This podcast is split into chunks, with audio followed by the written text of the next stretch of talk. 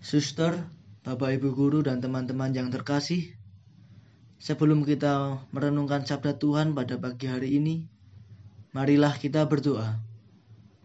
Dalam nama Bapa dan Putera dan Roh Kudus. Amin. Allah Bapa Surgawi, kami mohon penerangan Roh Kudusmu, supaya kami mampu mendengarkan dan meresapkan sabdamu dalam kehidupan kami. Demi Kristus Tuhan kami. Amin. Inilah Injil Yesus Kristus menurut Markus. Sekali peristiwa, Yesus memanggil kedua belas murid dan mengutus mereka berdua-dua. Ia memberi mereka kuasa atas roh-roh jahat dan berpesan kepada mereka supaya jangan membawa apa-apa dalam perjalanan kecuali tongkat. Roti pun tidak boleh dibawa. Demikian pula bekal dan uang dalam ikat pinggang.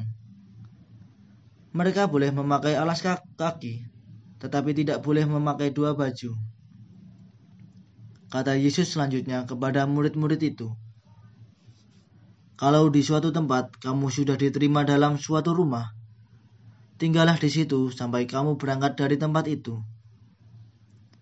Kalau ada suatu tempat yang tidak mau menerima kamu, dan kalau mereka tidak mau mendengarkan kamu, keluarlah dari situ dan kebaskanlah debu yang ada di kakimu sebagai peringatan bagi mereka." Mereka mengusir banyak setan dan mengoles banyak orang sakit dengan minyak dan menyembuhkan mereka. Demikianlah Injil Tuhan.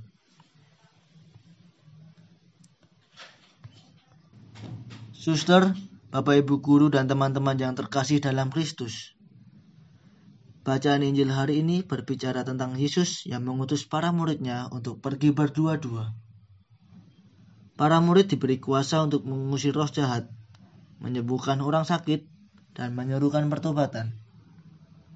Akan tetapi, Tuhan Yesus meminta agar mereka tidak membawa kasut, pakaian, dan makanan yang berlebihan. Saudara-saudari yang terkasih, sama seperti para murid, Yesus pun mengutus kita membawa kabar sukacita ke mana pun kita pergi dan di mana pun kita berada. Satu sikap yang dituntut kepada kita adalah iman yang teguh kepada Yesus. Yesus tidak menghendaki kita sibuk dengan bekal-bekal, entah itu makanan, minuman, atau pakaian. Yang diperlukan adalah tekad, keyakinan, serta iman dan penyelenggaraan kepada bimbingan Allah. Kita sering kali begitu cemas dengan banyak hal dalam kehidupan. Hati dan pikiran yang terfokus pada persoalan, kesulitan dan kecemasan sering kali menjadikan kita lupa akan tugas dan panggilan kita untuk membawa kabar sukacita kepada sesama.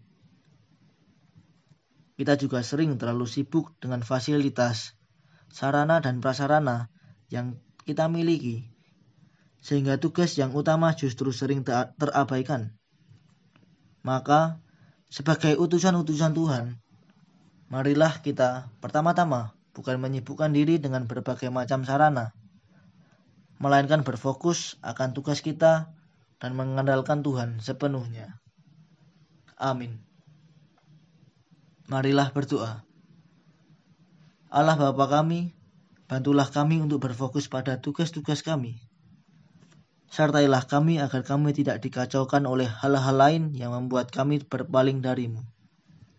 Demi Kristus Tuhan kami. Amin. Dalam nama Bapa dan Putera dan Roh Kudus. Amin.